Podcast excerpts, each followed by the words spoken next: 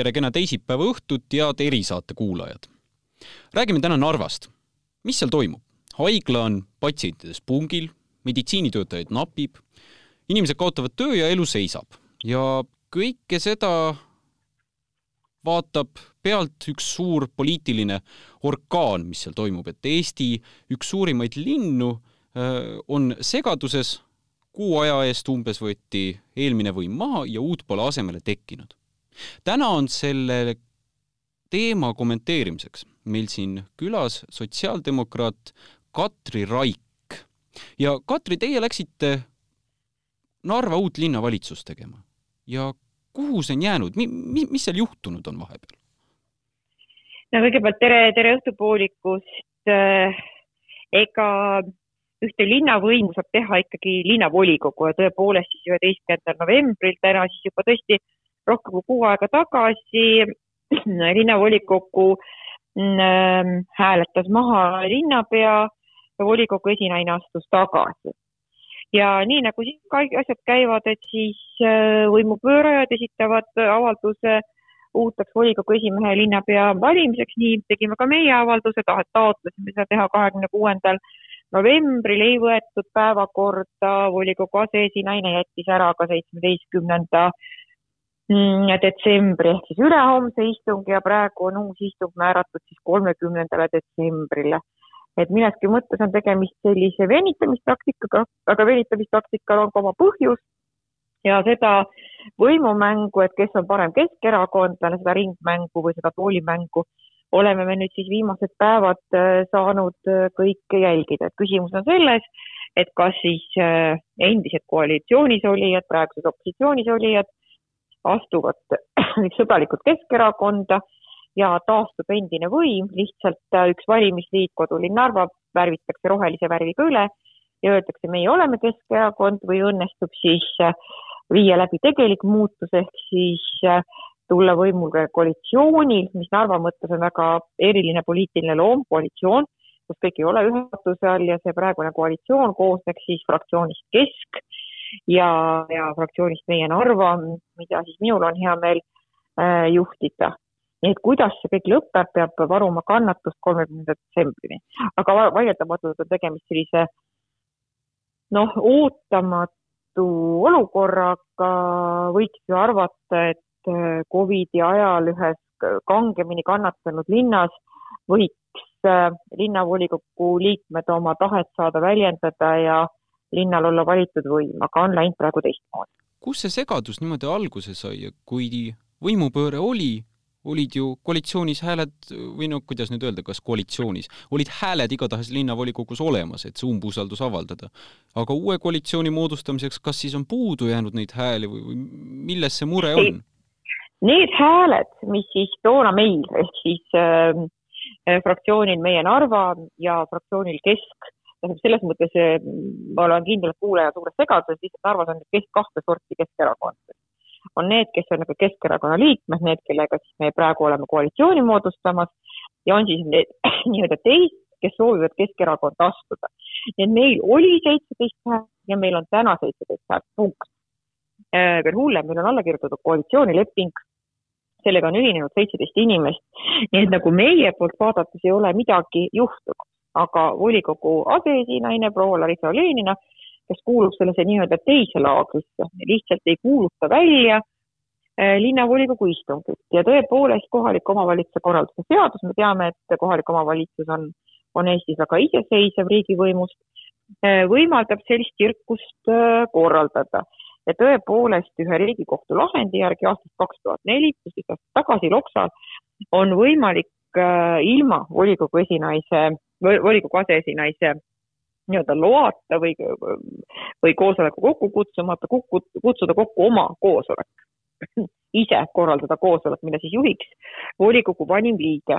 ja selliseks liigutuseks me ka oleme valmis, sest kui me üheteistkümnendaks jaanuariks ei saa valitud endale volikogu esimeest ja linnapead, siis jääb volikogu laiali sellisel juhul tulevad siis volikokku sisse nimekirjade järgmised äh, liikmed nii et meil on aega üheteistkümnenda jaanuarini ja neljapäeval ehk ülehomme saab aega, kuu aega täis, sellest, mida seadus ette näeb, et, et koosolek tuleb kokku kutsuda, volikogu koosolek.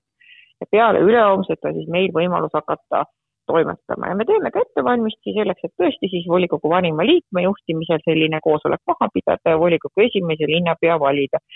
Äh, üsna üllatav olukord, olen pidanud nõu Rahandusministeeriumi juristidega, Justiitsministeeriumi juristidega ja õiguskantsleri bürooga. ma loodan, et kui me nüüd selle, kõik selle kadalipu lõpule käime, siis kohaliku omavalitsuse korralduse seaduses tehakse siis teatud täiendusi, et selliseid olukordi edaspidi vältida, veel kord ma rõhutan, et kurb on, et see kõik juhtub äh, Covidi kriisi ajal.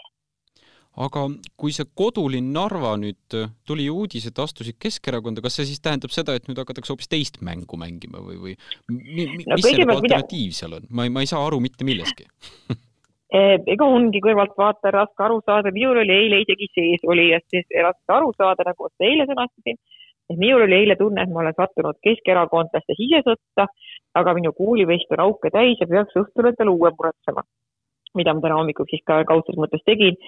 Eh, nüüd see, et endiselt kodulinn Narva liikmed, eh, õigupoolest siis opositsiooni jäi neliteist inimest, kellest kaksteist on kirjutanud avalduse Keskerakonda astumiseks kogu selle loo anatoomiat vaadata, siis kõigepealt püüdsid need inimesed minu paremat teadmist mööda astuda Jõhvis, Keskerakonda Jõhvi piirkonnas.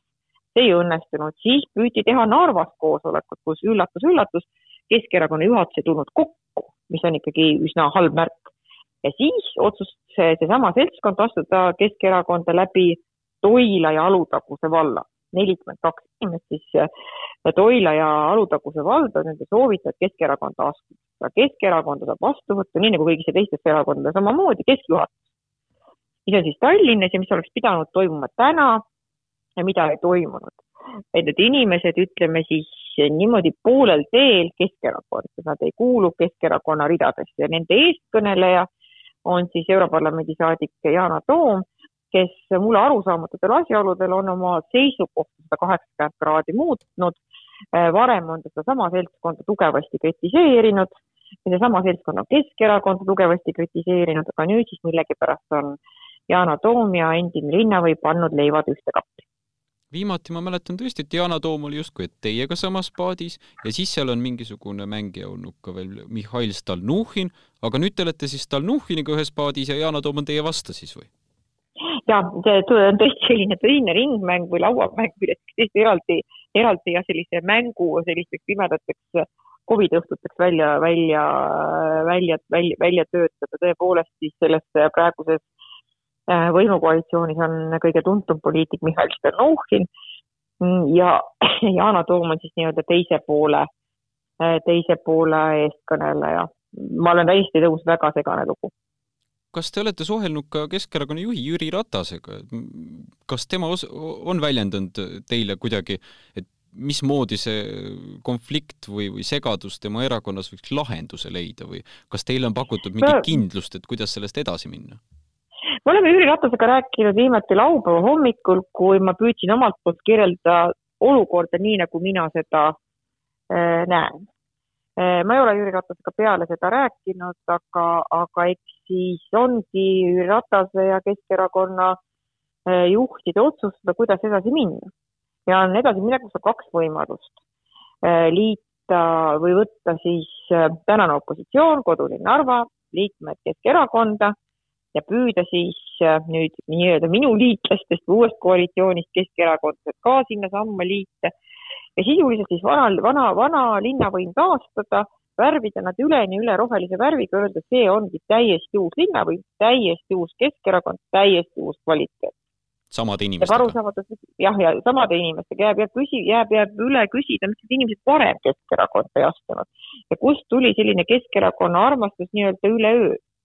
Ja teine võimalus on siis äh, äh minna edasi äh, vahest konarlikumat teed pidi äh, uue koalitsiooniga, kus siis oleks tõesti fraktsioon Kesk ehk siis äh, kodulinna Narvast eraldunud inimesed ja Mihhail Stalnuhhin, äh, kümme inimest ja siis seitse inimest fraktsioon Meie Narva, meie kandideerisime kohaliku omavalitsuse valimiste valimisliiduna, seal oli nii sotsiaaldemokraat, üks Isamaa liige, üks Reformierakonna liige, et selline kirju, aga, aga väga tubli seltskond.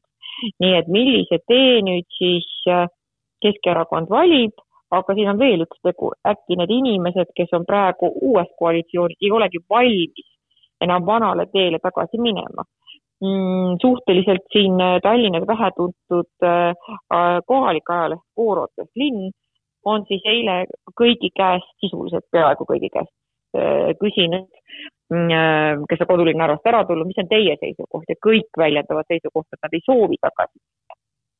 Nii et, et, et, et selles segaduses ei ole ainult Keskerakonna juhatus nende malenuppude tõstja, vaid siin on ka inimesed, inimesed, kes on otsustanud äh, tahta teistmoodi linnajuhtimist, on valmis sellesse panustama äh,, on enda jaoks teinud raske otsuse, tulles ära oma traditsioonilisest poliitilisest pesast, astunud külma tuule kätte, et lihtsalt peaks õigupoolest tagasi minema. nii et, et Keskerakonna juhatusel jääb üle väga tõsiselt mõelda ka nende inimeste üle, kellele nad on andnud äh, lootust, kellele nad on seni lootnud. et kas nad viskavad siis need inimesed üle parda, nii et küsimusi on siin mm, nüüd rohkem kui ainult Keskerakonna juhatuse tahe. kas teie ja teie koalits-, teie ja teie fraktsioon, Meie Narva, on praegu petta saanud, et oli ju jutt, et minnakse ja tehakse koos Keskerakonnaga koalitsiooni ja nüüd on kõik kaardid sassis ma ei oska öelda, kas poliitikas saab niisugust sõna kasutada nagu petta saanud.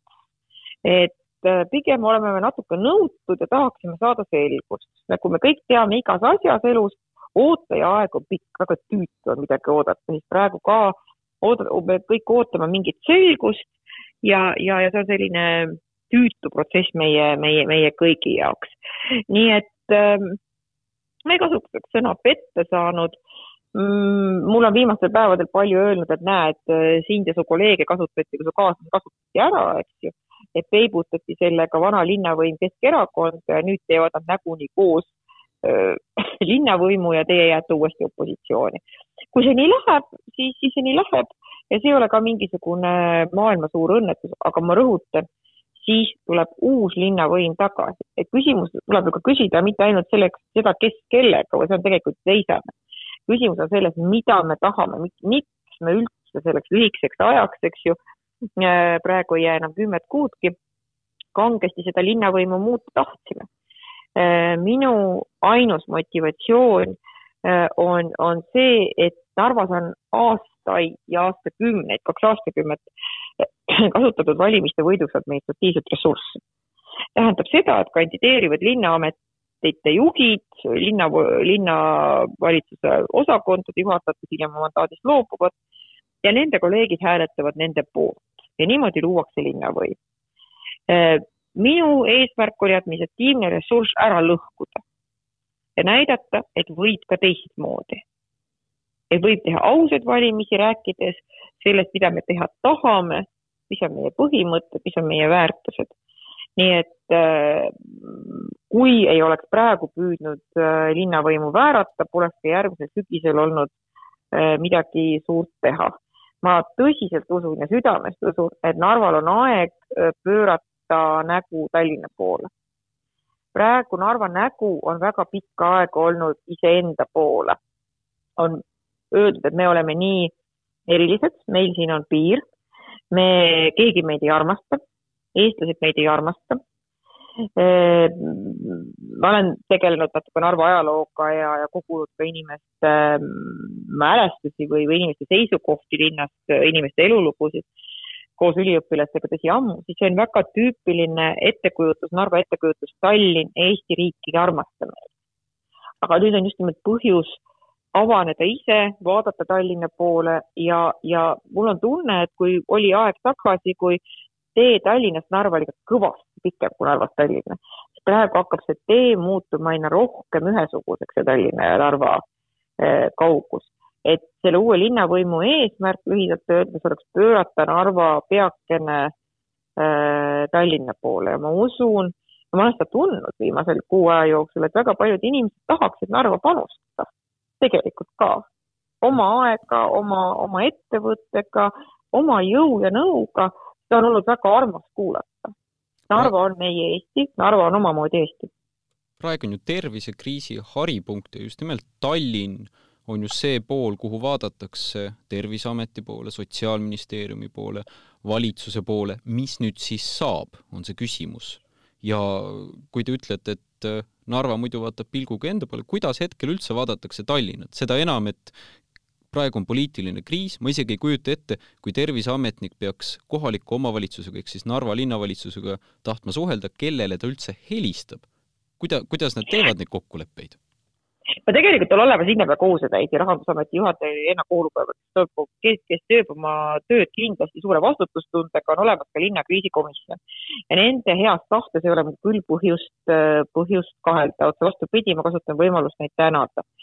aga küsimus on selles, et tuleb võtta ka mitte vastutust tänase päeva eest, vaid vastutust homse ja ülehomse eest ja seda saab siiski võtta valitud linnavõim, kelleks on see, kellel on sellest ka volitus. praegu on ju ka tegelikult linnaeelarve vastuvõtmise aeg, milline protsess on samamoodi katkenud.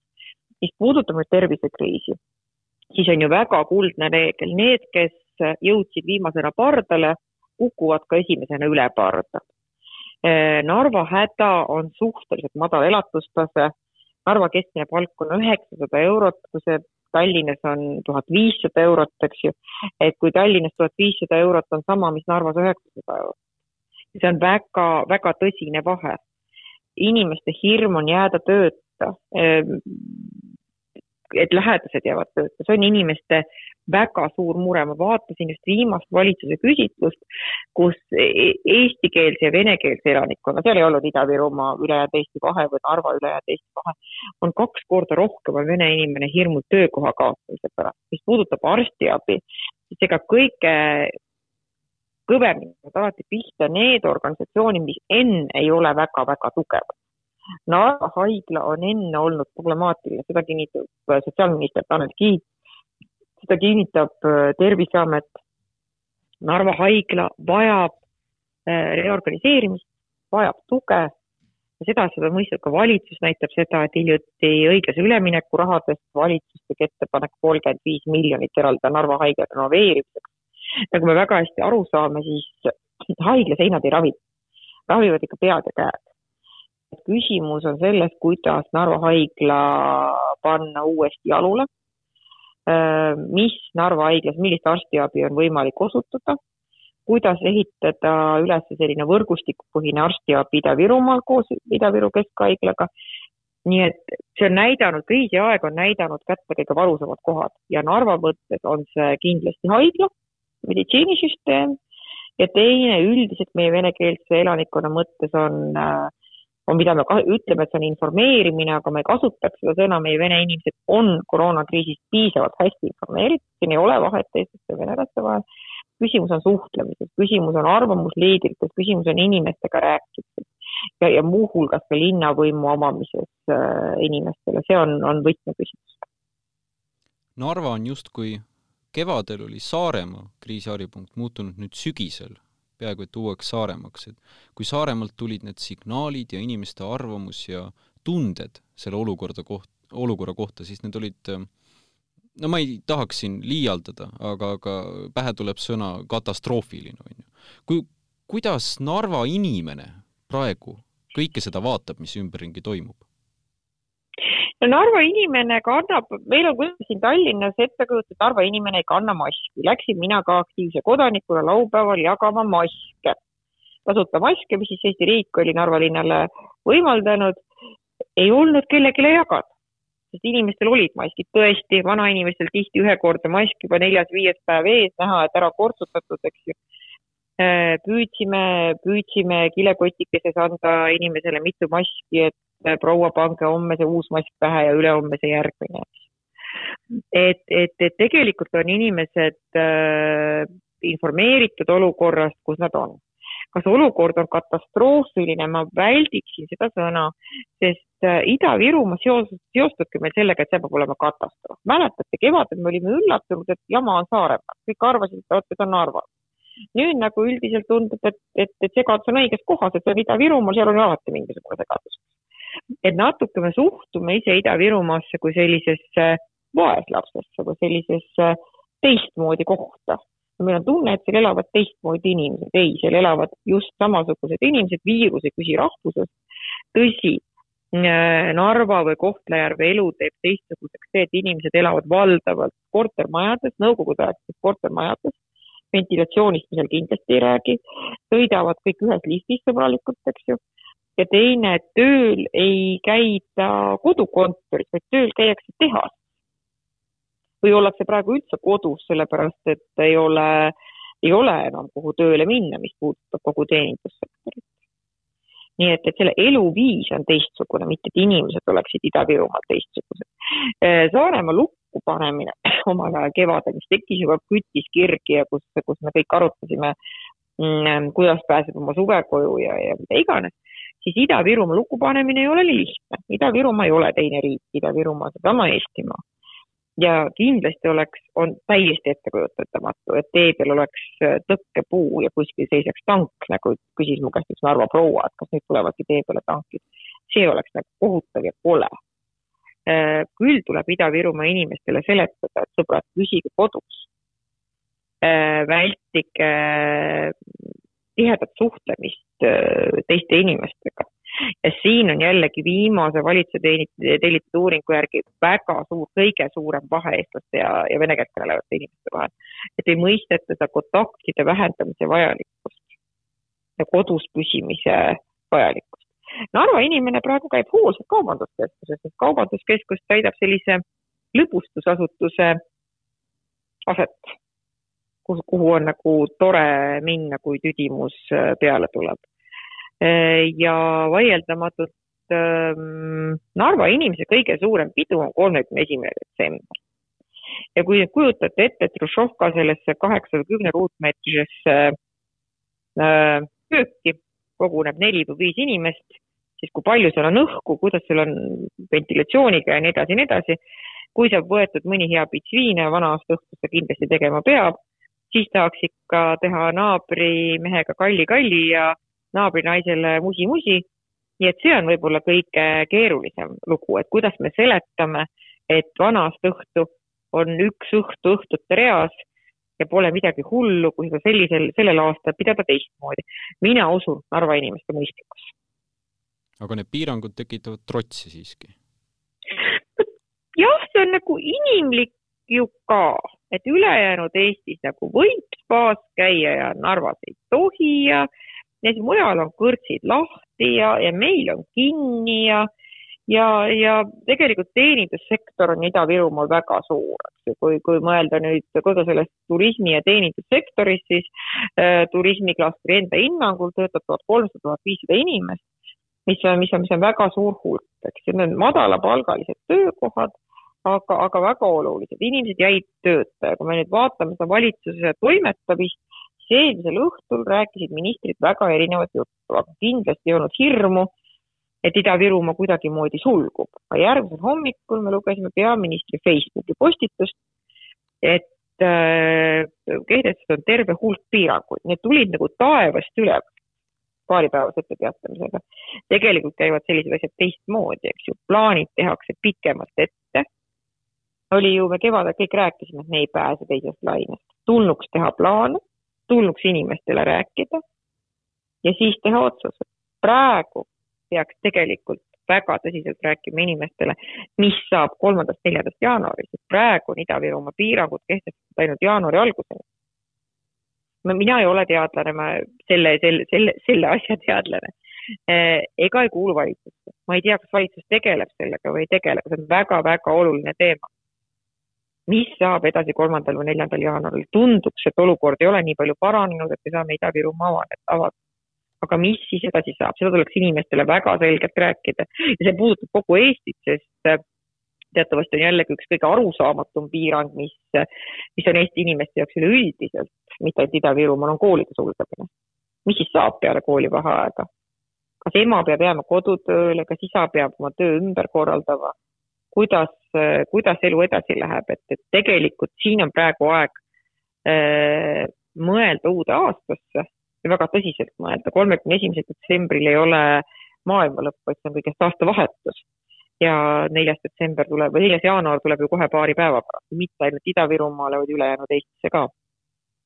ma küsin viimaseks küsimuseks, tagasi hüpates poliitikasse uuesti kas see on selge, kellest saab uus Narva linnapea, koalitsioonilepe on küll alla kirjutatud, aga kas teil on teada või kindlus näiteks selle osas, et kas teist pruugib saada uus Narva linnapea? ei, see ei ole kindel, ma tean ainult ühte, et kui on see võimalus, siis ma lahkun Riigikogust, äh, mis teatavasti on selline riskitegevus, sest Narva linnapea võin ma kahe kuu pärast mitte olla ja siis ma olen lihtsalt töötu. ja kuna mul Riigikogu liikmena puudub, puudub ka töötukindlustus, ei saa ma isegi minna Töötukassasse. aga mina olen otsustanud kindlasti kandideerida Narva linnapeaks ja kindlasti Narva linnapeaks minna, kui see võimalus mul on, ükskõik kui keeruline see poliitiline situatsioon ei tundu ma olen öelnud, et see on minu unistus, aga ega unistustega tuleb osata elada ja linnapeaks ei minda. Linnapeaks kas valitakse või ei valita volikogu liikmete poolt, kui volikogu liikmed usaldavad, siis ma ka linnapeana tööle asun. ja kui see läheb teistmoodi, siis ma silmi peast ära ei nuta, vaid võtan vastu mõned teised äh, toredad väljakutsed. suur aitäh teile, Katri Raik, et tulite saatesse, rääkisite meie erisaate kuulajatega ja ka minuga soovin teile edaspidiseks palju edu ja palju tervist! aitäh! olgem terved, aitäh!